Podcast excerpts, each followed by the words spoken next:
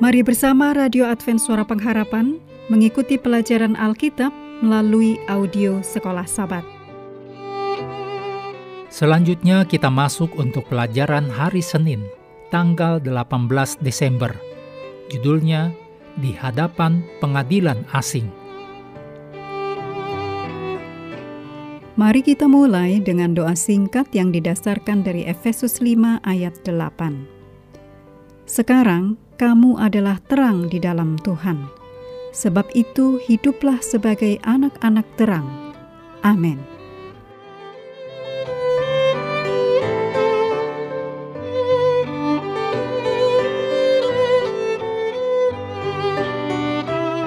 Pada akhirnya, setelah kejatuhan Babel dan kebangkitan media Persia, banyak dari orang Yahudi kembali ke tanah leluhur mereka tetapi tidak semua kembali.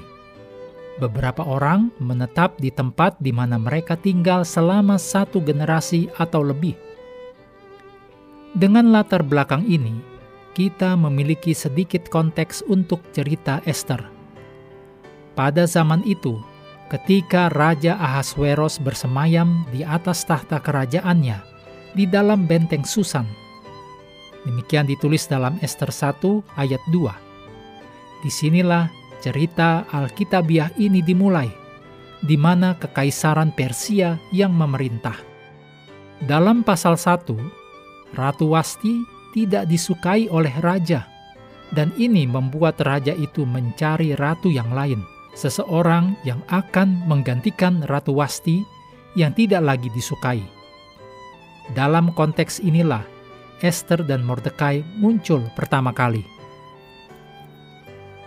Esther 2 ayat 1 sampai 9 menggambarkan situasi Mordekai dan Esther.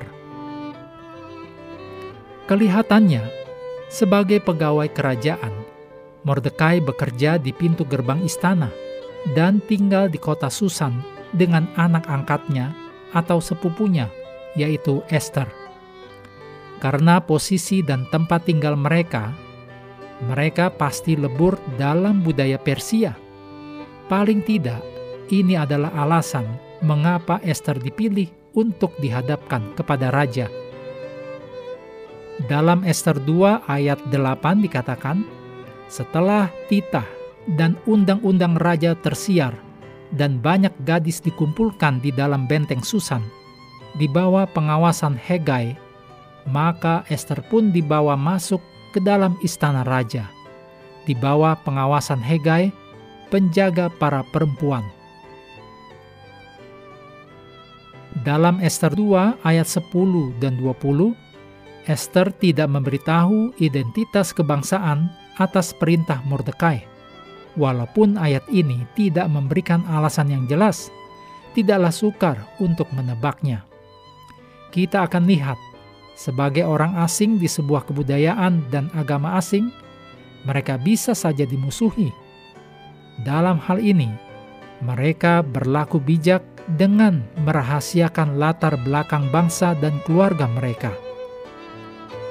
Pikirkan situasi yang sebaiknya tidak berterus terang tentang iman kita, atau haruskah kita jangan pernah melakukan hal tersebut, atau mengapa harus berterus terang?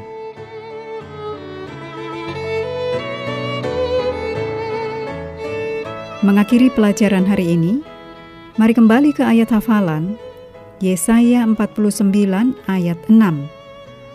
Tetapi aku akan membuat engkau menjadi terang bagi bangsa-bangsa, supaya keselamatan yang daripadaku sampai ke ujung bumi. Kami terus mendorong Anda bersekutu dengan Tuhan setiap hari, bersama dengan seluruh anggota keluarga, baik melalui renungan harian, pelajaran sekolah sahabat, dan bacaan Alkitab sedunia, percayalah kepada nabi-nabinya, yang untuk hari ini melanjutkan dari Yesaya pasal 25. Tuhan memberkati kita semua.